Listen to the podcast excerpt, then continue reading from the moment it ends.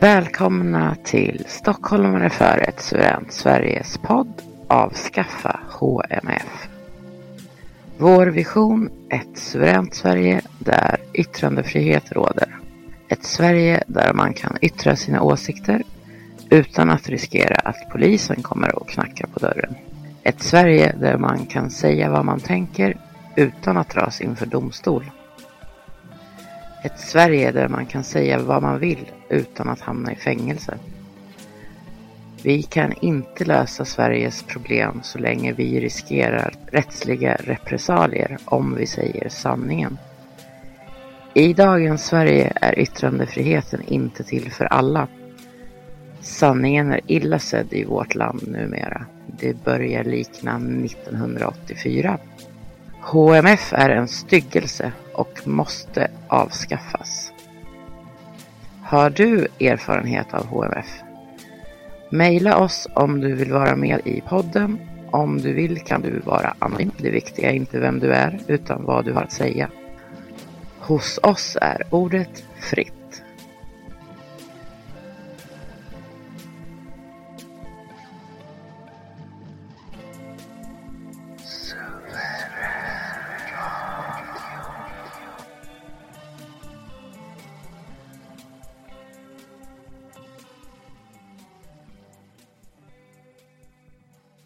Har inte bara problem med yttrandefriheten utan vi eh, har även en massa andra problem i Sverige idag. Vi behöver till exempel ut ur EU skarpt, svexigt, snarast. Och och eh, vi eh, har en åsiktskorridor som är så trång att man knappt kan röra sig i den. Och vi har beröringsskräck som heter duga. Vi behöver ett debattklimat där folk faktiskt pratar med varandra och lyssnar på varandra kanske ännu viktigare. Hos oss är ordet fritt i alla fall och eh, idag har vi med oss eh, David Bergqvist som kommer att berätta lite om hur han ser på till exempel eh, asylinvandringen. Så häng med! David, vad kul att prata med dig igen. Det var länge sedan. Ja, kul att vara tillbaka. Ja, jag tänkte fråga dig vad du, du har, vad, vad tycker du? Behöver vi totalt asylstopp eller inte? Vi behöver nog ha ett närmast totalt asylstopp. Ehm, därför att um, förr i tiden då tänkte man ju att asyl det handlade om att någon person, någon författare eller någon, någon form av kritiker eh, känd eller ja, allvarlig kritiker till, till någon, sin egen regim någonstans. Någon totalitär regim någonstans ute i utlandet. Eh, ja, kunde ibland råka ut för, det kunde hända att man råkade ut för politisk förföljelse eller någon form av förföljelse i hemlandet. Då, då hände det ju ibland att man eh, helt enkelt var tvungen att, för att överhuvudtaget kunna överleva, att man sökte då någon form av asyl i grannlandet. Då gick inte det, då fick man kanske ta sig lite längre bort och söka asyl för att komma ifrån då. Ja, på grund av helt enkelt regimkritik och så vidare. Och då var det ofta så att man beviljade, när det fanns tillräckligt, eh, vad ska man säga, behjärtansvärda skäl, så beviljade man asyl. Och det var ungefär det som asyl handlade om. Det handlade inte om att låta stora mängder utav människor som, som flyttar ifrån ett land som ja, eh, antingen befinner sig i någon form av naturkatastrof eller i form av väpnade konflikter och sen då bara lämna landet och, och i stora mängder och kommer till ett land och sen söker asyl. Utan det har ju varit i några enstaka väldigt eh, behjärtansvärda fall då, helt enkelt. Men det har ju blivit någon form av missbruk av det här med det som man kallar för asylrätten. Man tycker då att eh, ska använda någon form av flyktingpolitik, eller så kallad flyktingpolitik. Och massimmigration då. Och så tar man, använder man då asylskäl som eller asyl då som ett svepskäl för att eh, att, eller den så kallade asylrätten. Det där är ju ett sätt att missbruka det hela på. Och då menar jag då att eh, om vi nu ska stoppa den här massimmigrationen till Sverige, eh, som är helt eh, vansinnig, så eh, bör vi ju såklart omedelbart eh, upphäva, så att säga, med eh, ja, asyl, att genom asylrätten, så att säga, låta folk få komma hit i stora mängder på grund av eh, ja, väpnade konflikter och liknande. Utan det måste ju vara när det är väldigt unika enskilda fall. Och om det då så att säga, om vi stopp, lyckas stoppa massmigrationen så kanske man ändå borde fundera på om vi, om det finns något värde i att kanske ändå behålla de här betydligt färre då, men unika fallen där man kanske tycker att det är berättigat med, med eh, asyl. Om vi då utgår från att asyl asylrätten då missbrukas så att den används på felaktigt sätt. Så kan man i princip säga att den bör avskaffas. Eller åtminstone att avskaffas då i den bemärkelsen som den används idag. Nu är det ju många som skyller på att de har blivit kristna. Och då blir de förföljda i sina muslimska länder och därför måste de komma hit. Eh, alltså, är det något man ska ta hänsyn till i, i ditt scenario? Nej, jag, tror nog, jag tycker nog inte att man kan säga då att, att hela grupper på grund av deras man religiösa tillhörighet ska flytta då, ja, kanske hundratals mil till Sverige då och söka asyl. Utan då är det väl någon form utav, får man väl helt enkelt eh, deklarera någon form utav eh, ja, rimligt skäl till, till att fly helt enkelt på grund av religiös förföljelse. Men då bör ju då då bör man kunna ordna upp på något sätt att något grannland kan, kan ta hand om det. Så eventuellt så skulle man kunna hjälpa, hjälpa upp då med eh, ekonomiska resurser för att, för att de här grannländerna då ska kunna ta hand om det här. Men det är inte heller säkert att, att det är ligger på, alltså det, ligger på Sveriges ansvar med tanke på att vi redan har jag har redan ställt upp så pass mycket redan som vi har gjort. Så att jag menar på att vi har ju kanske gjort vårt och betydligt mycket mer än så. Hade vi då haft en sund och vettig migrationspolitik de senaste 40-50 åren, då hade vi kanske haft möjligheten att eh, hjälpa mer på annat håll. Men nu får vi nog nästan säga stopp även för ja, den typen av invandring, så att säga. Och de här som påstår att de är homosexuella och riskerar att kastas ut från tak och det gäller samma sak där då tänker du eller? Ja, alltså precis. Jag, jag tänker ju det att finns ett unikt fall så kan man tänka sig att um, då bör man kunna överväga om, om, om asylrätten kanske ska nyttjas. Men eh, om man upptäcker att det finns väldigt många fall som är likadana i princip, där folk säger precis samma sak, så eh, kan man då tycka att det måste finnas ett system för det istället som är hållbart. Det är inte längre hållbart då att man använder asylrätten. Eh, och då, då får man helt enkelt hjälpas åt nationellt på något sätt. Och där menar jag på det att det kan ju flera länder gå ihop och hjälpa kanske grannländerna. Och då är frågan om Sverige då ska ta del i det hela. Man skulle ju kunna ta del i ett sånt form av... För grannländerna helt enkelt måste ju gälla då, eller närmsta säkra land. Och att, eh, men att då det landet kan ju inte heller, kan inte ta det fulla ansvaret med eh, alltså ekonomiska resurser alltid.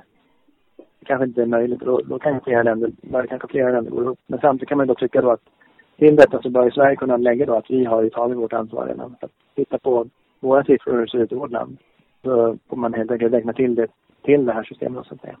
Då kan man ju tänka sig då att flera personer kan, om man eh, startar ett sånt här system där grannländerna tar hand om folk så, och fler länder till och över till att, ja, ekonomiskt helt enkelt, då skulle man kunna även i detta system, då skulle man kunna där folk får lämna Sverige och hänvisa till att nu har vi ett fungerande system där vi kan hjälpa er med era, era behov så att säga. Det som ni sökte helt enkelt eh, till Sverige för att eller orsaken, anledningen till att ni sökte skydd då. Det skyddet kan ni få i ett grannland tack vare att vi har skapat ett helt enkelt fungerande skyddssystem. Så det är väl ett sätt man kunde, skulle kunna arbeta på, tänker jag. Ja, då kommer jag in på återvandring. För, för, jo, men precis. Och det, men ett sådant system skulle också förutsätta att de här länderna är beredda att hjälpa oss om vi råkar ut för något liknande. Vi är tvungna att fly från till exempel Sverige. Ja, återvandringen ja. ja. Hur mycket återvandring vill du ha, höll jag på att säga? Eller behövs det återvandring? Eller funkar det med återvandring? Mm. Är det praktiskt görbart? Jag tänker så här att eh, om en båt tar in vatten och håller på att sjunka då är det ju praktiskt genomförbart att täta läckan och sen börja ösa ut eller pumpa ut vattnet. Men i det här fallet blir det då så att säga att man tar samma väg, väg in som man kommer ut då. Jag skulle vilja hänvisa till Sverigedemokraternas tidigare vice ordförande Jonas Åkerlund. Som en gång sa att för eh, ungefär 20 år sedan så sa han att eh, om vi återsänder 500 000 av de allra värsta parasiterna så skulle vi ha en helt annan ekonomisk eh, situation i Sverige.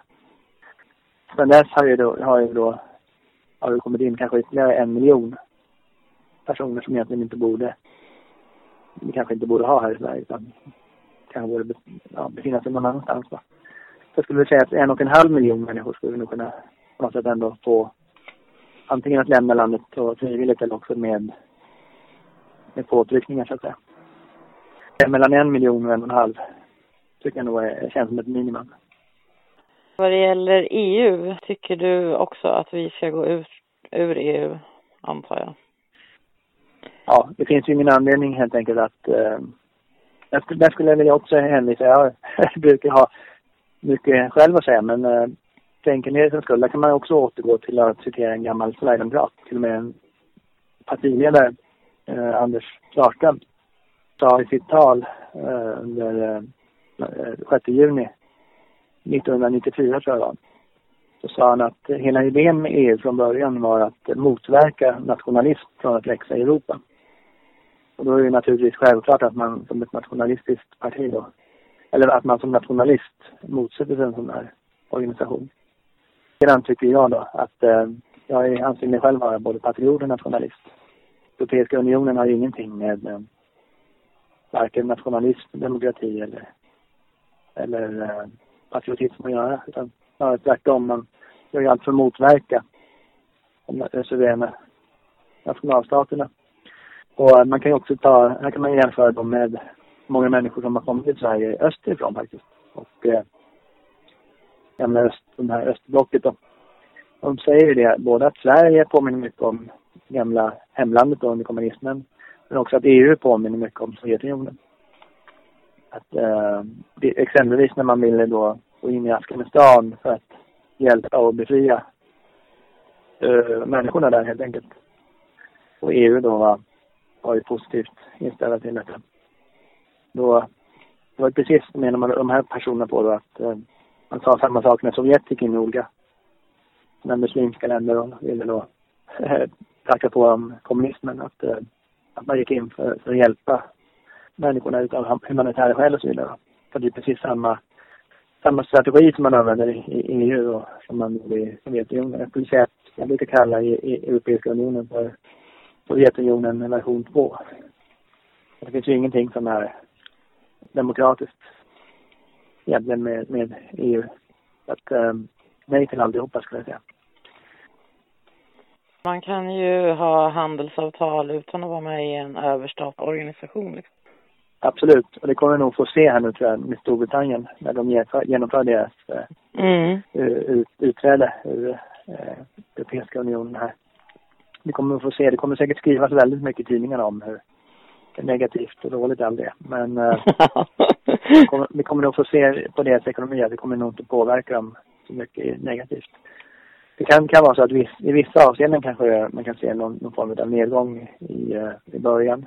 Uh, men i andra avseenden kan man säkert se mycket positivt också. Och sen med tiden kommer det här att plana ut så att de kommer finna sina vägar för att kunna dels samarbeta med andra europeiska länder som är med i EU men också upprätthålla liksom och skapa nya förbindelser med andra länder utanför EU också.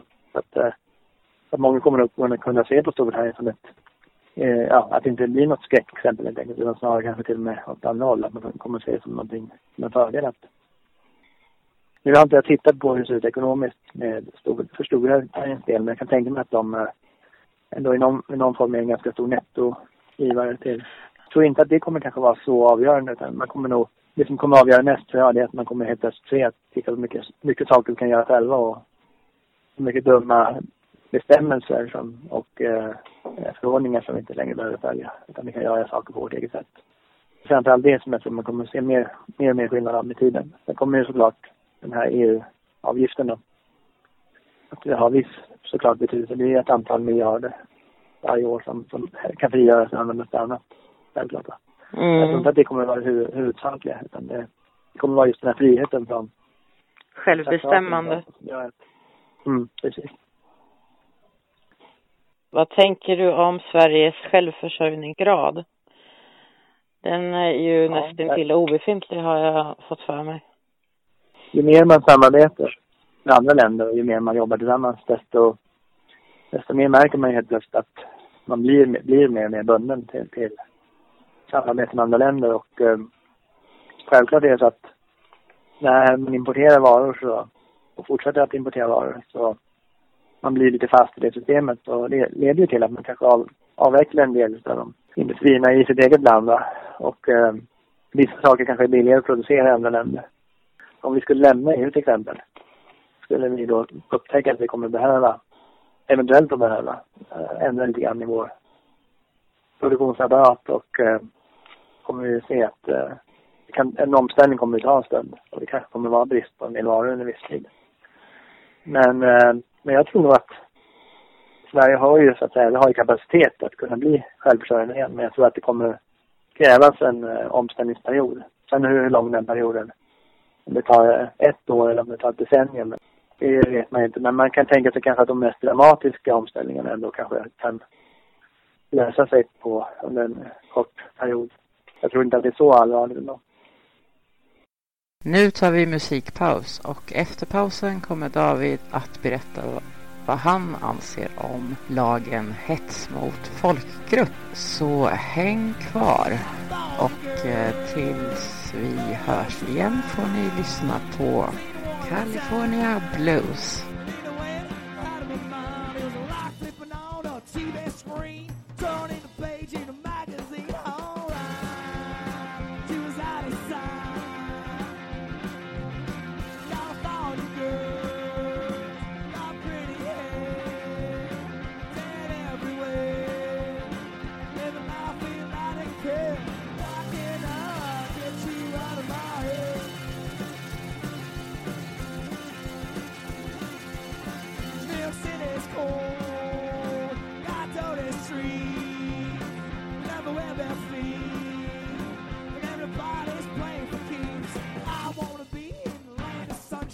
Wherever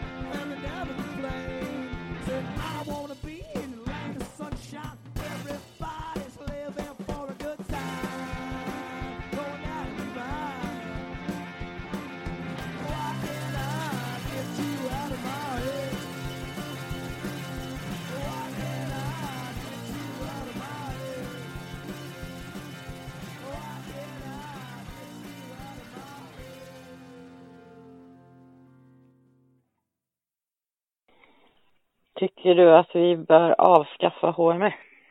Lagen om hets mot folkgrupp, den bör ju avskaffas helt och hållet utan några som helst reservationer. Den infördes en gång i tiden just för att skydda en folkgrupp från förföljelse och inga andra folkgrupper. Sen har den då utvidgats till att innefatta fler folkgrupper. Det går inte att försvara överhuvudtaget att det svenska folket inte så att det innefattas i. Som gäller alla andra utom svenskar? Mm, ja, men precis. Ja, men man kan ju se det som, visst det finns ju lagar som reglerar, alltså lagar för personer som, exempelvis alla som har körkort måste ju följa vissa lagar som de som inte har körkort inte behöver tänka på.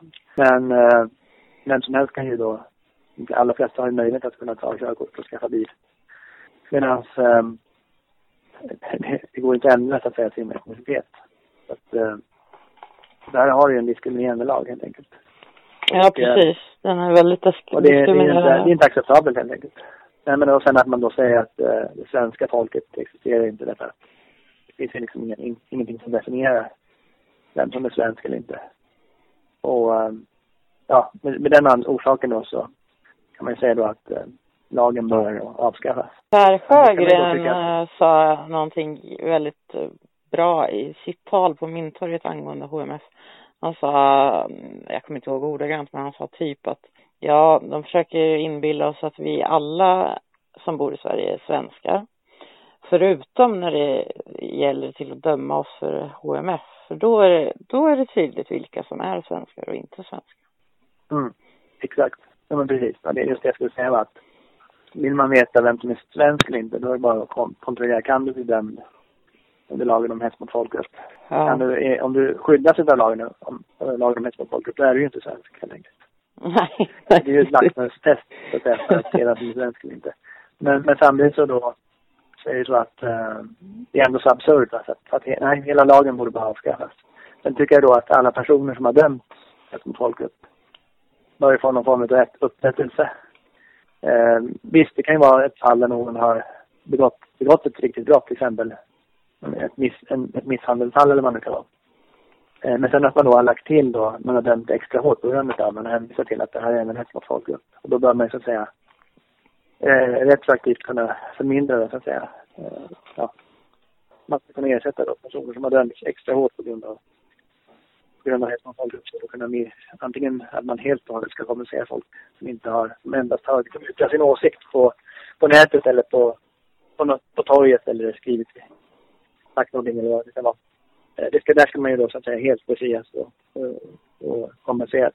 Sen så, när det gäller personer som har begått ett brott, men där man då har fått tillägg så att säga, eller pålägg så att säga för att man, att det är också inne, ja man tycker då att det här, här, här är man också hetsat mot folk. Där borde man då i efterhand då få eh, straffet mildrat så att säga och då kunna få någon form av ersättning för inlägg Helt mm. enkelt. Det, det, det är min åsikt. Så att absolut, jag som har folkgrupp, det är helt utan reservationer ska, ska lagen bara försvinna. Vad bra, det var ord och inga visor det. Tycker du att vi har problem med en åsiktskorridor i Sverige? Ja, eh, så är det ju. Eh, sen finns det ju alltid en korridor, eh, säkerligen, i hur man än gör. Jag kan säga så här, att om du befinner dig i ett rum bland fem andra personer, eller vad det nu kan vara, tio andra personer, så säger du någonting väldigt oförskämt till dem. Då är det självklart att, att, man, att eh, människor reagerar eh, på det här och, och, att man blir då så att säga bemött med. det. Eh, så det är ju, det är liksom, det får man ju tåla i en demokrati. Det som påverkar det här det är just det här med att att man då helt enkelt dömer folk för exempelvis hets mot folkgrupp eller liknande. Va? Åsiktsbrott. Det leder ju till att eh, tränger så att säga den här åsiktskorridoren så att den blir allt smalare. Så att, eh, men eh, och folk tappar, att folk har inte längre respekt för andra människors åsikter på, på ett sätt som man hade förr i tiden. Jag menar, även om man tycker att någon har en väldigt vansinnig åsikt så, så tycker jag i alla fall att att eh, varenda person måste ha rätt att få uttrycka det. Så är det. Men just på grund av lagstiftningen och sen att media också håller på att stigmatisera. Det leder ja. till att eh, alltså åsiktskorridoren blir allt för trång. Så att, eh, men som sagt, det, man brukar alltid kunna se någon, någon form av väggar någonstans i horisonten. Så man vet ungefär vad man bör hålla sig inom, inom vilka ramar man ska hålla sig in, inom för att åtminstone liksom, ja, bemötas slippa bli förvånad över hur man blir mött, blir bemött så att säga, av andra. Men nu känns det så pass trångt att man knappt kan ta sig fram. Eh, och det är väldigt illa. Men det är som sagt det är media och det är lagmöten och folkgrupp som är huvudorsaken. Sen får man ju alltid, så, att säga, man får ju alltid räkna med att man, att man uh, kan få kritik så att säga för sina åsikter. Men åsikter ska alltid bemötas med, alltså argument ska bemötas med argument. Inte med fängelse och, och domar. Nej, precis. Och inte med stigmatisering heller, kan man ju tycka. Precis. Nej, precis. Den är ju, men jag tror att den, den beror mycket på lagstiftningen tyvärr. Så får man bara bort lagen mest med folkgrupp och, och man kan få en oberoende media med helt fri. Eller också helt enkelt att alla olika medier kan, kan ju såklart ha någon form av agenda men det kommer de ju att ha oavsett. Men du tänker att de inte ska vara betalda med skattemedel? Eller hur tänkte du om media? Alltså man måste hitta någon form av lösning där man kan se att man kan köpa en tidning som säger en sak. Sen ska de ha samma möjligheter att, att få, men till exempel Aftonbladet och Expressen. Deras tidningar är väldigt lätt, lättillgängliga. Och då är det väldigt lätt för, för invånarna att, att, att läsa Schibsted och eh, Bonniers deras bloggar så att säga, i pappersform. Men det är svårare liksom att hitta, till exempel om du har en blogg eller om eh, någon annan har en blogg så måste man ju leta själv. Ja, precis. Och eh, jag tänker att det kanske är lite överdrivet att gå så långt, men gå in på folks personliga bloggar, men åtminstone de här alternativmedierna. Att de ska få eh, göra reklam i, i tv och sådär, kanske tänker du väl? Ja, alltså om det, om det, om man är, man, om det är svårt att lagstifta om, om total objektivitet, då har man åtminstone kunnat hitta en väg där man kan se att alla subjektiva eh, yttringar åtminstone blir tillgängliga. Eller åtminstone så många som möjligt. Mm. Det kanske är ett sätt då att avskaffa presstödet helt och hållet. Det kan också vara ett sätt att eh, lösa problemet. Jag tror att presstödet har haft varit väldigt negativt på så sätt att eh, de politiker som styr Sverige idag, om man tittar på Socialdemokraterna till exempel, för hundra år sedan så var det ett helt annat parti. I och med att media, när de sätter agendan, då blir det ju lätt så att, att eh, underförstått blir utan att man uttalar det, så blir det ändå så att media kan tycka då att nu ni bete er som vi, som vi tycker, annars så skriver vi skit om er. Ja. Då blir det, De gör det. blir alltså rädda för media. Och media var statligt från början. Mm. kan man ju tycka då att det blir lite auktoritärt och, och ganska så att man får, ett samhälle ifall media har monopol på, eller om eh, staten har monopol på media. Men det blir ju ändå trots allt de som folket har valt som kontrollerar media istället för att medien kontrollerar folket som sen väljer, Mm. väljer eh, företrädare. Så att hade man haft eh, det från början, på den tiden när politikerna verkligen ville folket väl, då hade vi sluppit säkert den här situationen som vi har idag. Nu är, jag är, kan, ska inte säga att jag är för att eh, staten har monopol på media, för jag tror inte det i dagsläget det blir bara fall. Men man kan ju åtminstone leka med tanken att man hade haft ett statligt monopol en gång i tiden. Då hade ju faktiskt, eh, med tanke på att folket ändå väljer företrädarna, fördelarna, då får de då använda deras makt på ett klokt sätt. Annars finns det ju risk att de blir utbytta utav, utav väljarna. Men nu har ju media, media, tidningarna kan ju aldrig utav väljarna. Utan är Nej. Politikerna som utbytta. Så att, alltså, media har ju mycket mer makt än vad Ja. politikerna har. Även om de inte har samma direkta, konkreta makt så har de ändå en indirekt stort inflytande och så vidare. Det har de ju Där, där måste någonting göras för att, för att helt enkelt eh, Hade det inte varit för att medierna var så emot SD så skulle ju SD ha inte alls haft så sån mot, eh, uppförsbacke liksom. Nej, det hade gått mycket fortare för partiet att komma in i riksdagen. Och så hade det säkert kanske gått långsammare för andra partier. Så att, eh, många andra partier hade kanske sjunkit snabbare i opinion också om media hade varit lite mer partiska. Eller Mm. vad säger jag? Ja. Opartiska. Opartiska. Ja, exakt. Mindre partiska. Ja, precis. Det där med medierna, det är ett av våra största problem tror jag. Nu tänkte jag att vi vilar hjärnan med lite förvirrad punk och efter pausen kommer David berätta om han anser att vi behöver protestera mera. Men eh, fram till dess så får ni lyssna på Punk Confusion.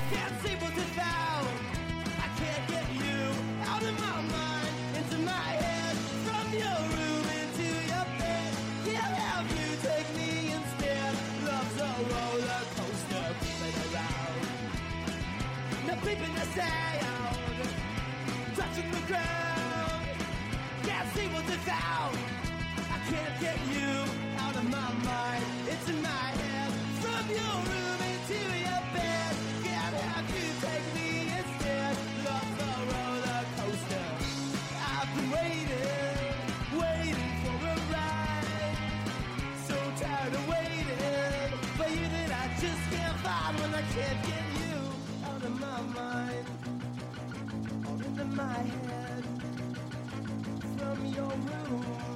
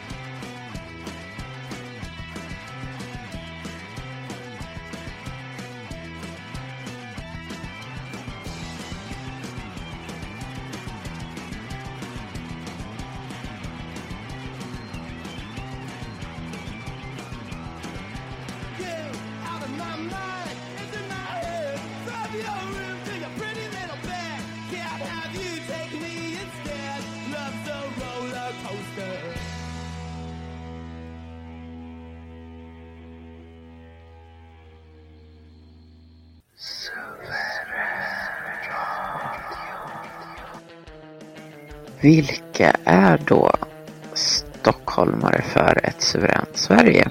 Kanske någon undrar som inte vet.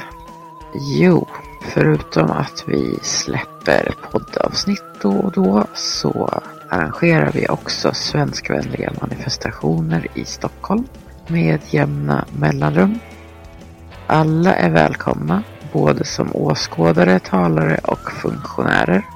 Du behöver inte hålla med oss till 100% i varje punkt. Du måste bara älska Sverige. Våra manifestationer är partipolitiskt obundna och reklam för enskilda partier förekommer inte. Vi fokuserar på sakfrågor. Vi är inte lojala till något parti. Vi är enbart lojala till Sverige och till svenska folket. Vi är aldrig politiskt korrekta. Och vill någon kalla oss för extrema så varsågoda. Men sanningen är att det är inte vi som är de extrema. Vi bara använder vårt sunda förnuft och utnyttjar vår yttrande och mötesfrihet. Vad vi vill se är ett tryggt och homogent Sverige som är självförsörjande och självständigt. Inte splittrat, fattigt, farligt och slav till utländska intressen, globala storfinanser och EU-byråkrater. Våra fokusområden är Svexit samt ut ur FN för ett suveränt Sverige. Vi vill också avskaffa HMF och förbjuda avstängningar i sociala medier på grund av politiska åsikter. Och vi måste krossa åsiktskorridoren. Vi måste också stoppa folkutbytet och inleda återvandringen. Och vi måste släppa beröringsskräcken. Samarbeta mer för Sveriges framtid. Vi måste definitivt protestera mycket mera. Ta striden till gatan. Det är den enda signal som makten kommer lyssna på. En och en kan vi inte göra mycket, men tillsammans kan vi rädda Sverige. Det finns inga ursäkter som duger för att inte dra sitt strå till stacken och göra vad man kan. Fickknuten näve gör ingen skillnad. Stötta oss i kampen för ett suveränt Sverige. Swisha till 0737 3208 24.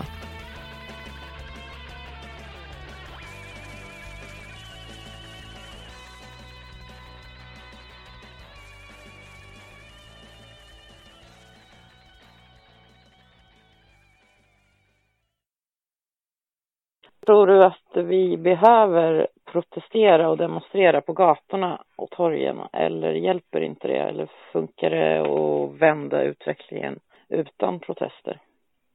Fysiska. Man kan säga så här, om tillräckligt många människor med stort kapital och även människor med litet kapital skulle gå ihop och finansiera en, eh, en oppositionell rörelse, då skulle den kunna verka helt och hållet via nätet och på andra sätt såklart. Så att vi, vi går ju på andra vägen och protesterar på gator och torg. Men jag tror mm. inte att um, man, kan upp, man bör upphöra med det, utan tvärtom så bör man ju visa sitt missnöje så mycket man bara kan. Även om det är fortfarande media har en väldigt stor makt. Men nu är det så att alternativa medier börjar få mer och mer inflytande också. Alternativa medier kan ju mycket väl uppmärksamma protester som protesterar mot uh, olika typer av vansinniga lagar som regeringen funderar på att eh, stifta, eller riksdagen funderar på att stifta, eller regeringen lägger fram. Mm. Eller som de har lyckats få igenom. Och eh, är det så att eh, om alternativmedia då blir först med att rapportera de här nyheterna och ändå har ett väldigt stort allmänt allmänintresse så gör ju de här gammelmedierna bort sig med att inte rapportera. Så att eh, den vägen är en väldigt bra idé eh, att gå va? när man eh, ska demonstrera. Se till så att man får, försöker få någon form av medial upptäckning samtidigt. Mm. Om man är ute och går. För annars blir det lite så att man, det kanske blir lite så att man, eh, att man talar för, för döva så att säga. Men absolut, självklart ska vi fortsätta att protestera och demonstrera. Och särskilt nu när man gör allt för att försöka stoppa oss från att, från att samlas någon form av försök till att protestera. Man får väl vara 50 personer helt enkelt och se till att personer demonstrerar på Mynttorget och 50 eh, demonstrerar på Norrmalmstorg och 50 på Stortorget till exempel. Nytorget. Mm. Exakt samtidigt under, om, under samma parad så då är man ju, då är man ju begränsade till 50. Absolut. Ja, men det är jättebra. Kan, kan vara en väg att gå. Ja, men då behöver man ju samarbeta men, där, så att man har tillgång till tre olika ljudanläggningar och så vidare. Och uppsättning med talare. Åker runt. Man kan turas om till exempel. En talar på Mynttorget medan en annan talar på Ja, ja precis. Det kan man ju göra. Eh, jo då, så att eh, det går ju. Man kan, man kan inte låta bli att protestera helt bara. Men däremot får, får man tänka på säkerhetsriskerna och kanske ha masker och hålla avstånd och Ja, masker ska man helst inte ha när man demonstrerar, har hört. ta Man ska ansiktsskydd försöka undvika att maskera sig. Jo, men precis. Det är någon form av maskering. Ja det är det ju. Så att nu, gasmask och så får nu man hänvisa till säkerheten. eh, ja, de måste ju nästan ändra på den där eh, maskerings eh. Tumma på den lite. Mm. Ja, vi får se om det blir något, eh, hoppas jag, ganska snart i alla fall då. Hur ser du på brett samarbete med andra nationalister och andra partier som kanske inte ens är nationalister men som ändå, vänstern är ju ibland mot EU tänker jag och sådana grejer. Att man skulle kunna gå ihop. Jag tror att det kan vara bra att gå ihop i olika enskilda frågor faktiskt. Det tror jag nog. Jag tror att det kan vara ett väldigt bra sätt att gå också för då har, får du ut mer... Jag tror att det kan vara fel väg att gå att samarbeta rakt av med olika organisationer. Därför att då kanske det inte fanns någon mening med att ha flera små organisationer om man ändå, ändå tycker likadant. Så jag tror att anledningen till att det finns många olika nationalistiska organisationer och så vidare, det är för att man inte har riktigt exakt samma gemensamma, vad ska man säga, ja, eh, värdegrund eller vad det ska kallas för. Jag vet inte riktigt gillar det ordet va. Så, Ja, men, jo men, men precis. Ja, man, man har lite olika idéer kring hur saker och ting ska skötas.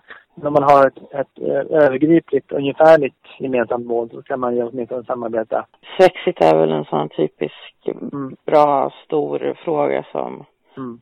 folk skulle kunna Ja, enas kring både från vänster och höger. Utträde ur, ur Europa, det tycker jag absolut att man bör samarbeta. Det finns ingen anledning till att, att det är organisationer som har olika intressen motarbetar varandra i den frågan. Utan eh, det är bra. Har man gemensamma, har man frågor som man kan få igenom tillsammans, då bör man försöka att jobba för just de frågorna. Annars så tappar man också all sin trovärdighet inför väljarna. Mm. Om man inte, om man väljer då helt enkelt att, om man har en chans att få, få igenom den politiken, eller som, som väljarna, eller, eller andra supporters i den organisationen som man kanske tillhör. Man är inte beredd att samarbeta med andra, andra organisationer för att få igenom den frågan. Då är frågan, har- var man beredd från början att överhuvudtaget engagera sig för, för, för förändring? Det kan man ju tycka att det kanske kan finnas vissa gränser för vad man, vad man kan göra, vad man, hur man kan samarbeta med. Men då måste man ju titta på samarbetsformerna kanske mer än vad, man, än vad det är för typer av organisationer som man samarbetar med. Jag menar om, om man har en eh, organisation som vill lösa sina, sina problem med våld, då kan man ju tycka att vi kan inte samarbeta mer om ni, om ni vill lösa det här med våld. Men har ni en, en eh, har ni en, eh, ett fredligt tillvägagångssätt för att eh, bli av med det här problemet så kanske kan diskutera samarbete. Så att man alltid är beredd att diskutera samarbete, enskilda frågor om, om det görs eh, under rätt former så att säga, Mm. Ja, precis. tänker jag. Man behöver ju inte samarbeta så tajt utan det kan ju vara under lösa förhållanden. Det är ju formen man ska komma fram till då om man vill ha något slags samarbete för att lyfta frågan. Jag, jag brukar ta som exempel att står det tusen personer med varsin skylt med olika budskap, eller för all del samma budskap, men på utspridda på tusen olika torg så att det är egentligen bara en person per torg. Det är väl dumt Mm. när alla tusen personerna kan stå med sina skyltar tillsammans på samma torg. Då kommer de ju synas och Mm. höras mycket mer. Mm. Och sen tror jag att det skulle bli större medial uppmärksamhet om man märkte att organisationer som annars tycker väldigt olika helt plötsligt samarbetar under, under någon fråga. Ja, det är det jag också tänker. Och då behöver man ju inte, man behöver inte gå så långt att man kanske organiserar demonstrationer gemensamt, men man kan ju ändå kanske gå till varandras demonstrationer så att antalet Mm. blir fler. Det är jag Mm. tänker framförallt då i första hand. Sen är det ju bra om Mm. man kan skicka olika, eller talare från olika organisationer till varandra så att säga. Mm. Tycker ju jag då. då. Ja, men absolut. Ja, för att alltså enighet är styrka och om då media och andra ser att, ja men titta, har de äntligen lämnat strid, stridsyxorna hemma och enat sig mot oss? Vad läskigt. Alltså kommer ju de tycka då. Eller hur? Mm. Mm. Jo, ungefär så. Ja, det tror jag. Jag tror att det kommer ge en helt annan effekt liksom. För att som till exempel så både AFS och NMR var ju i EU-valet och var ju båda för Svexit. Mm. Och AFS gick ut med att de var minsann det enda parti som var för Svexit. Och NMR blev jättesura då. Nej, vi är också för Svexit. Det är, mm. lite, det är lite kontraproduktivt då för, då. för då varje gång de skrev på Twitter att ja, vi är det enda parti som vill ha Svexit. Varje gång fick de liksom svar från tio olika NMR. Nej, vi vill också ha Svexit. Ljug inte liksom. Mm. Mm. Nej, men den, den eh, eh, tittaren då som sitter och läser igenom de här kommentar, kommentarsfälten ser då att, ja men titta, det finns ju fler, fler organisationer. Så det är väl, en, det är väl kanske någonting positivt. Men ja, jag tycker väl att man ska säga det att, um, jag minns att Anders Klarström nämnde också under sitt tal eh, 1994 att uh, det var ju uh, någon som ville förbjuda organisationer som uh, verkar för nationalism Han nämnde ju inte bara specifikt eget parti, Sverigedemokraterna. Han sa ju organisationer. Han, vill, han pratade om eh, en person då som ville förbjuda Sverigedemokraterna och eh, organisationer som verkar för nationalism. Så att jag tog med även med dem. Även om, även om han inte nämnde dem vid namn då, så, så tog han ju med ja, fenomenet i sin helhet. Då. Det tycker jag att det kan man ju göra när man håller tal till exempel. Att man säger då att ja, men mitt parti vi vill lämna, lämna EU och jag tycker att ni som lyssnar här, ni ska titta på på de här partierna som faktiskt vill lämna EU och uh, rösta på något av våra, helst vårt parti då. Att man är Precis, ja. onödigt kanske att, att, att, att gå ut och försöka då så att säga vinna poäng på att man säger att man är det enda partiet som vill. Ja, jag, jag, jag kan jag, hålla med dig. De som står och lyssnar kan till och med tycka att det finns mer styrka att få höra att det finns vi vill, vi vill lämna EU och det finns fler som vill det. Att, att rösta på oss. Ja, det är... Det är... Ensam, för då kanske folk tänker att det kanske är... Då kanske börjar fundera på att, jaha, är det bara ett parti som är lämnar? Ja, precis. Så bra lämna in. precis. Det låter lite bättre om det är fler än ett mm. parti liksom. Jag håller med dig där. Det var kanske inte den smartaste propagandan från deras sida låter lite bättre faktiskt. Man behöver som sagt inte göra reklam för varandra men man behöver samtidigt, som du sa, att det ja, låter ju bättre. Precis, visa att det finns ett bredare motstånd än att man är helt ensam om att vilja. Mm. Sen var väl AFS säkert glada att SD bytte fot där och, och blev mot sexigt helt plötsligt. Ja, tyvärr så är det väl så att, eller tyvärr, men det, det är väl så att jag tror inte det påverkar opinionen särskilt mycket för de flesta uppfattar redan Sverigedemokraterna som ett mycket dels immigrationskritiskt parti men också EU-kritiskt parti. Mm. Det går aldrig riktigt ur. Det tar säkert tio år innan folk börjar se, i allmänhet börjar se att Sverigedemokraterna verkligen har vänt på riktigt i den frågan. Men Jimmie ja. Åkesson gick ju med i partiet. Man frågade honom varför gick du med i partiet? Det var ju för att jag var emot EU. Eh, e det var därför jag sökte mig till Sverigedemokraterna. och, eh, men nu har han, och sen så under um, Almedalsveckan, var det inte 2016? Det var 2017 det måste varit 2016 när, när de röstade igenom Brexit. Då började man ju den här, inledde man ju och i Moxons tal där i Almedalen med den här Rule Britannia för att visa att vi stödjer Storbritannien i deras utträde ur mm. Och sen så bara ett par år senare, två, tre år senare säger man att nej, vi ska försöka ändra EU inifrån. inifrån. Då får man väl se då om, om företrädare för Sverigedemokraterna de bör ju då se Brexit som någonting väldigt negativt. Eftersom eh, då får de ett parti mindre, eller ett, en nation mindre som jobbar för förändring i EU som de verkligen vill ha. Då. Jo. Företrädarna jag ser från SD på Twitter, de är ju fortfarande för Brexit, bara att de ja, tänker att ja, men det där är bara taktik. De eh, ändrar sig så småningom tillbaka igen, typ sådär. Verkar mm. de tro. Jo, precis. Nej, men det krävs väl ett stort liksom, eh, internt uppror inom Sverigedemokraterna om man ska få partiet på uh, starka fötter igen. Man har ju en stark opinion för partiet, men, men det är inte värt så mycket om man inte om, om partiet är tandlöst. Att, uh, att det krävs ju bara lite små förändringar i, i deras manifest så, så har de ju ett starkt varumärke och en stark opinion för för att dels lämna EU och sen också börja få en återvandring. Ja, det är de mm. två viktiga frågorna just nu. Man låter, eh, ja, den allmänna situationen på styra partiet. Eller för att partiet styrs verkligen. De verkar ju lite grann försöka bara hålla låg profil hela tiden och låta Alltså att de vinner på att vara underdog hela tiden och att folk ska tycka synd om dem för att media är elaka och de blir utfrysta och hit och dit. De tar inte befälet riktigt. De hade kunnat göra det mycket bättre tycker jag då personligen. Mm. Jag tänkte fråga vad du tänker om NATO. Är det någonting att ha för oss eller ska vi skita i NATO? Vi kan strunta i NATO, det låter väl bra. Som nationalister har vi alltid sagt att Sverige är alliansfritt.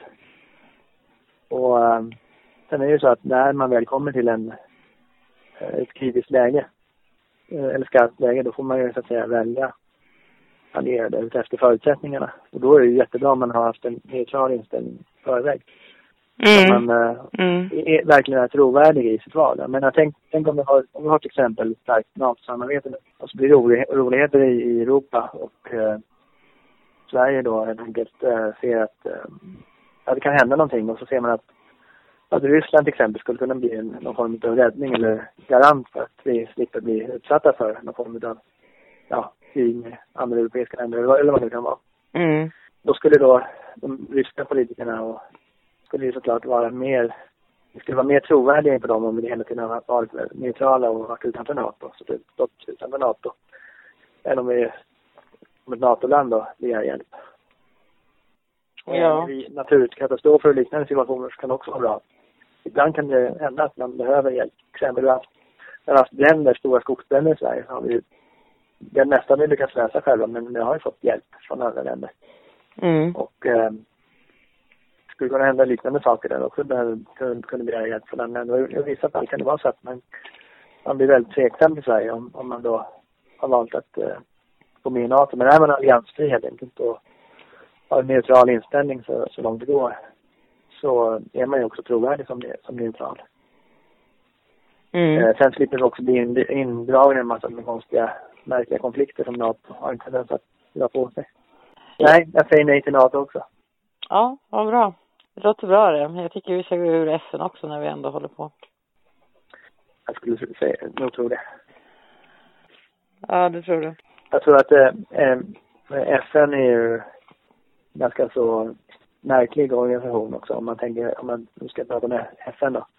Därför Mm. att eh, ibland så fattar de beslut men sen så kan de ju ändra sina beslut på grund av att vissa länder tycker att, eh, att det, alltså vissa länder är, starkare och större än andra och då påverkar det mycket av deras beslut. Sen har vi ju ja, det finns så mycket konstigheter med, med FN så att eh, även där kan, kan det vara tveksamt om man man borde åtminstone kunna diskutera om vi ska ha, vara med i FN eller inte.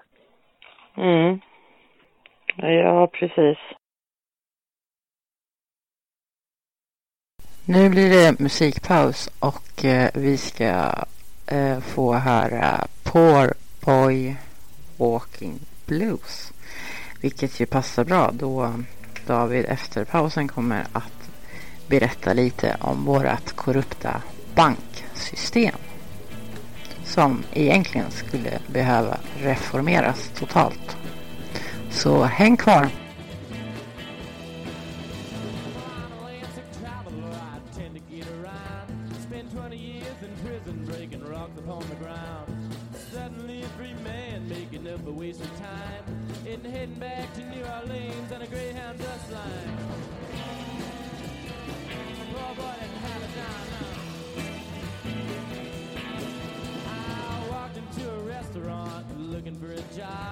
The chef said we could use someone to clean up all the slop.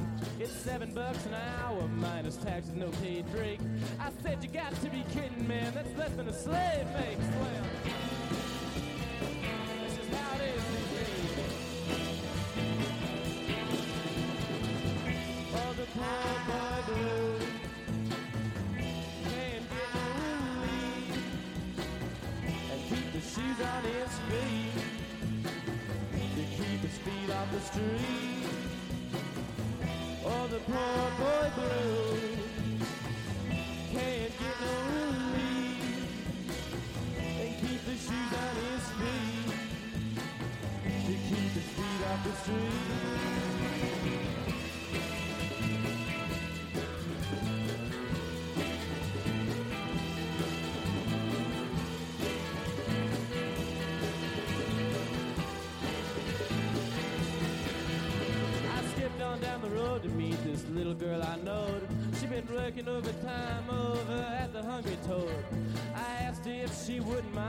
sharing me a bed. She said, you must be crazy, kid. You ain't bought me nothing yet. Well, that was true, I must admit. I saw three little birds, they were sitting in a tree out by the front porch of a local fraternity.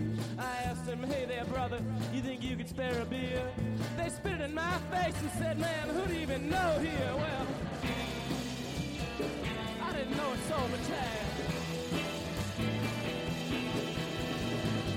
Oh, the poor boy blue can't get no relief and keep the shoes on his feet to keep his feet up the street. Oh, the poor boy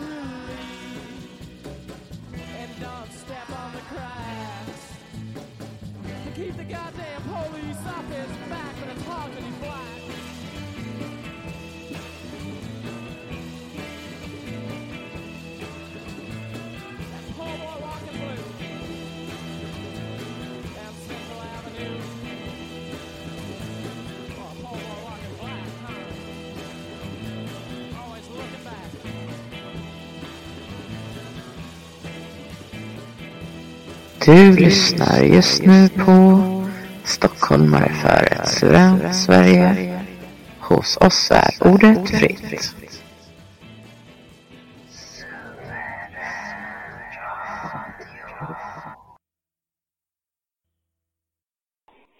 Jag tänkte fråga dig vad du tänker om eh, beröringsskräck. Är det ett problem i Sverige? Men nu har det blivit ett stort problem tydligen. Folk är så rädda för förkylningar. Mm. Om man ska titta på det eh, ideologisk beröringsskräck Ja. så eh, får man väl säga så här att eh, alltså om man är orolig för att till exempel ställa upp i debatt åt ett annat parti. Att en Mm. sån, för att, att, att, därför man tycker då att endast att ställa upp i debatten skulle kunna ge det här partiet som man inte gillar då legitimitet. Mm.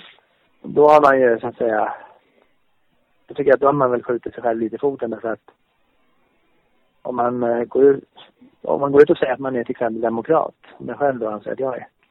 Mm. Sen är man inte beredd att diskutera med andra för att de har, eller en- ens debattera på grund av att de har en helt annan värdegrund.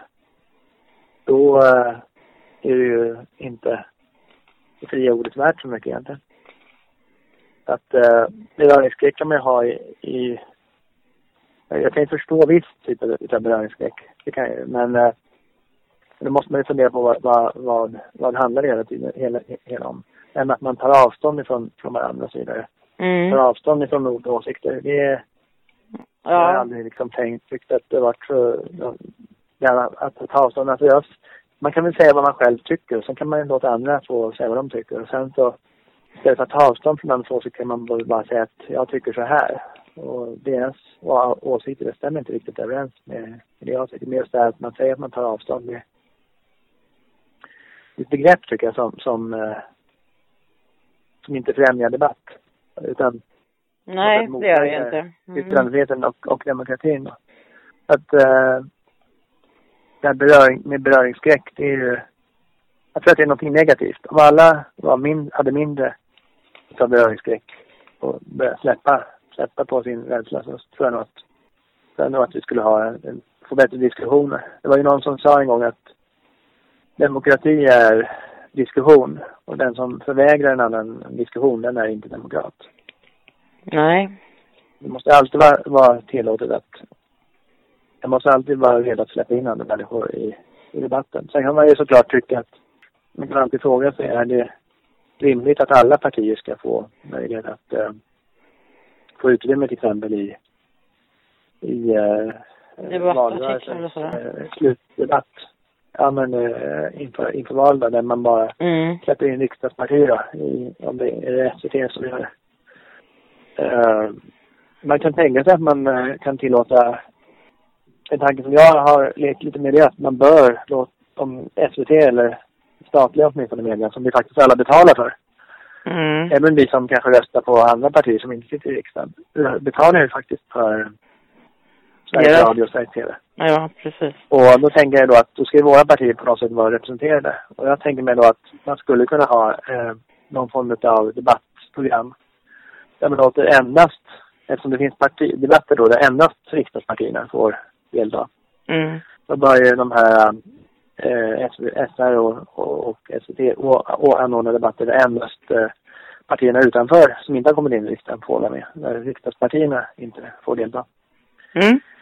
Då kan man ju tänka sig då att man kanske ska ha någon form av grundkrav. Till exempel dels så ska man ju ställa upp. Alla kanske inte ställer upp på debatt.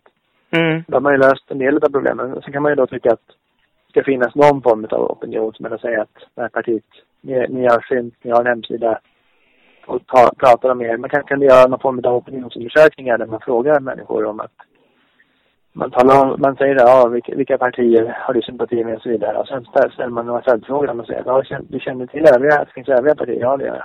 Då kan man höra folk, vilka partier känner du till? Känner du till det här partiet till exempel? Nej, de har aldrig hört talas om och så vidare. Man gör Mm. någon form av opinionsundersökning där man säger att vissa partier kanske finns ett stort intresse för att veta var de står någonstans och höra deras företrädare och så vidare. Då kan jag tänka mig kanske att det kan finnas en... Om det nu finns åtta partier i riksdagen så kanske de åtta största partierna utanför riksdagen bör åtminstone kunna få rätt att till, till ganska mycket sändningstid i, i, i eh, den media som vi faktiskt ändå betalar för Mm. Absolut. ofrivilligt. Ja, ofrivilligt, ja precis. Eh, jo, man kan tycka att de åtminstone skulle få delta i en enda debatt då, eller att de skulle få skriva varsin debattartikel och, och få in i tidningen. Det är väl knappt att de får det, som läget är. I eh, Ja. vanliga MSM liksom.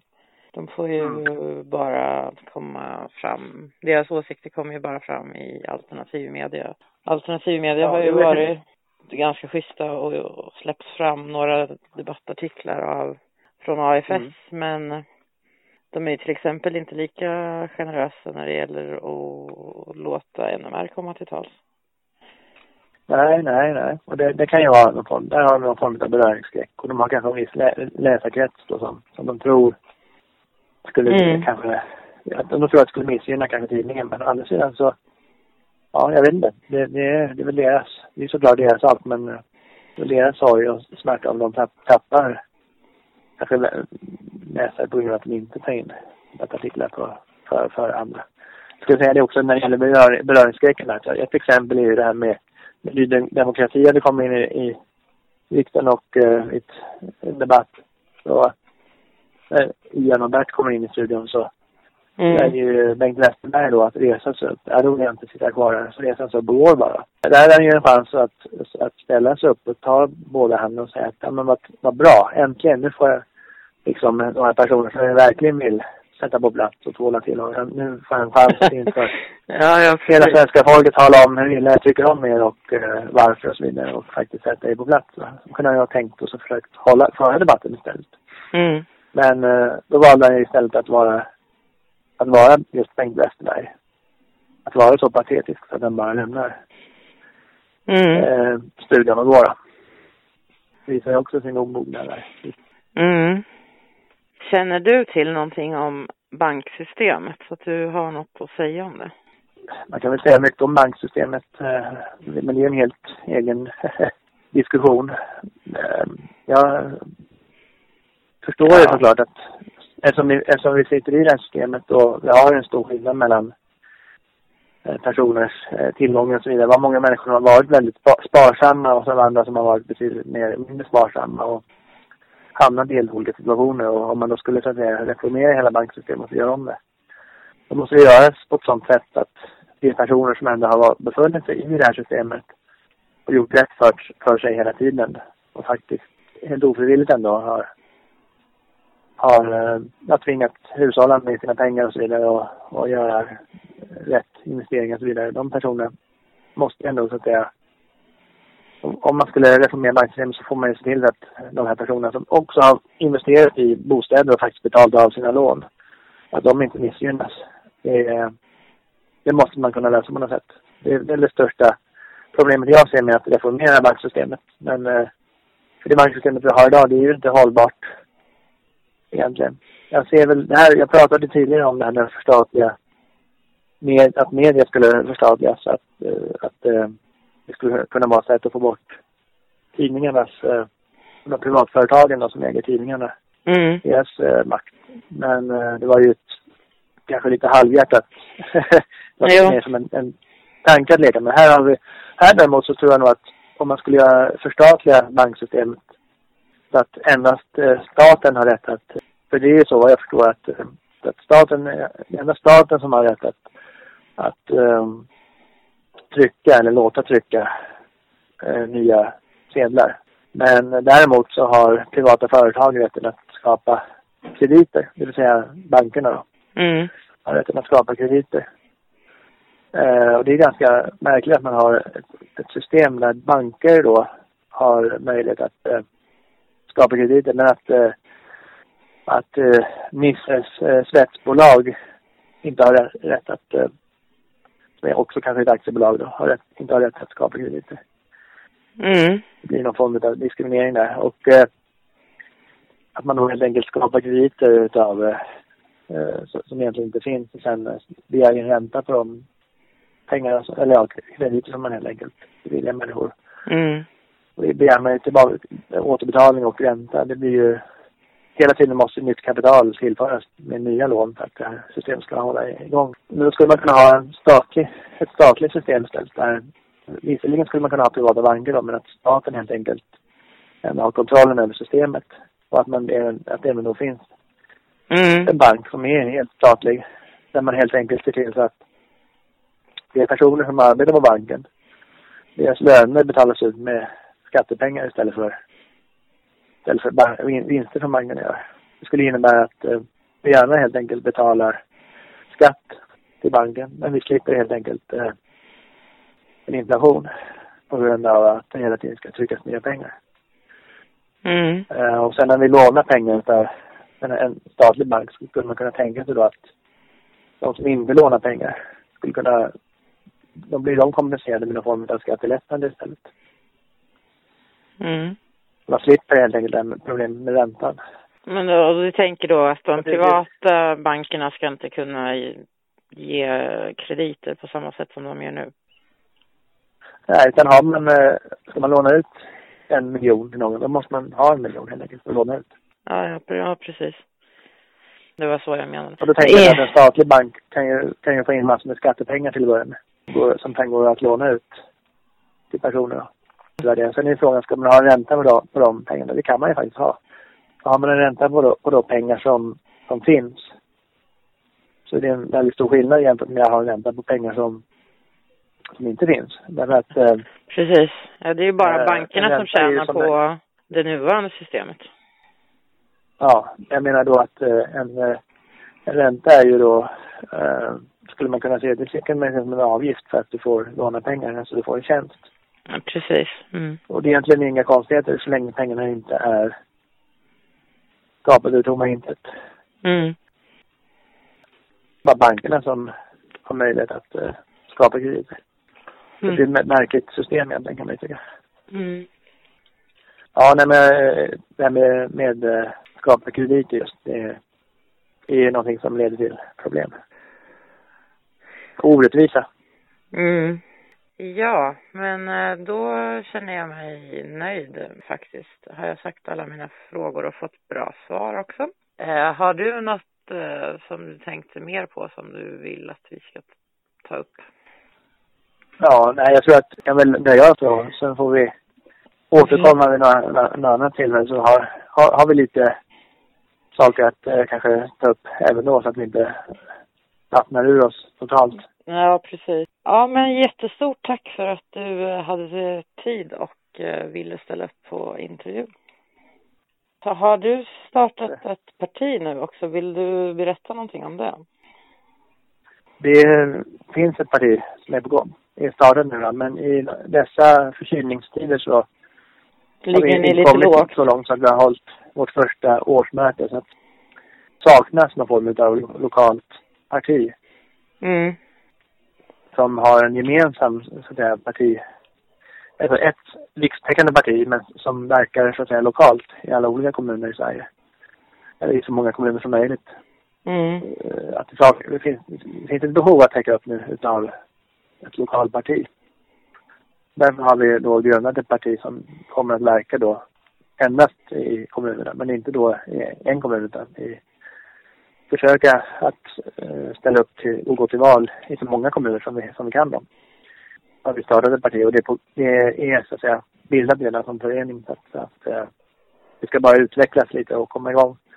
Mm. Så, eh, Efter första årsmötet så kommer vi att återkomma med mer information och eh, Ja, men det blir att, spännande. eh, Ja, att vi så att säga ska arbeta då under, under de förutsättningar som finns och det kommer inte finnas något behov av att försöka att massrekrytera människor ute i kommunen och bli, försöka bli så stort som möjligt utan det vi gör, vi vill helst erbjuda människor att kunna engagera sig i Mm. den mån de själva vill i sina kommuner. Och finns det då grund för att bilda en kommunförening i, i en kommun så kan vi göra det. Men vi har inte ambitionen att så snabbt som möjligt bilda så många föreningar som möjligt utan det får växa så att säga i sin egen takt och, och, och i den mån som det finns brist på partier helt enkelt i, i kommuner. Att vi Mm. ska täcka upp helt enkelt. ska täcka, Ja. täcka upp eh, ett område helt enkelt. Där, där, där det finns, där det råder en viss brist helt enkelt. Mm. Men det blir Så vi, får, vi kan höra mer det kanske vid nästa tillfälle. Ja, det blir cliffhangern där då. Tack för att du lyssnade. Skriv gärna i kommentarsfältet vad du tyckte och dela gärna poddavsnittet med dina vänner och bekanta. Och är du inloggad får du jättegärna klicka gilla. Vill du vara med i en framtida podd eller tala på en framtida manifestation? Mejla oss. Vill du stötta oss så swisha till 0737 320824. Håll koll på hemsidan för aktuella uppdateringar. Vi finns på VK och på Twitter så har du VK och eller Twitter följ oss gärna där. Länkarna finns i beskrivningen. På återhörande.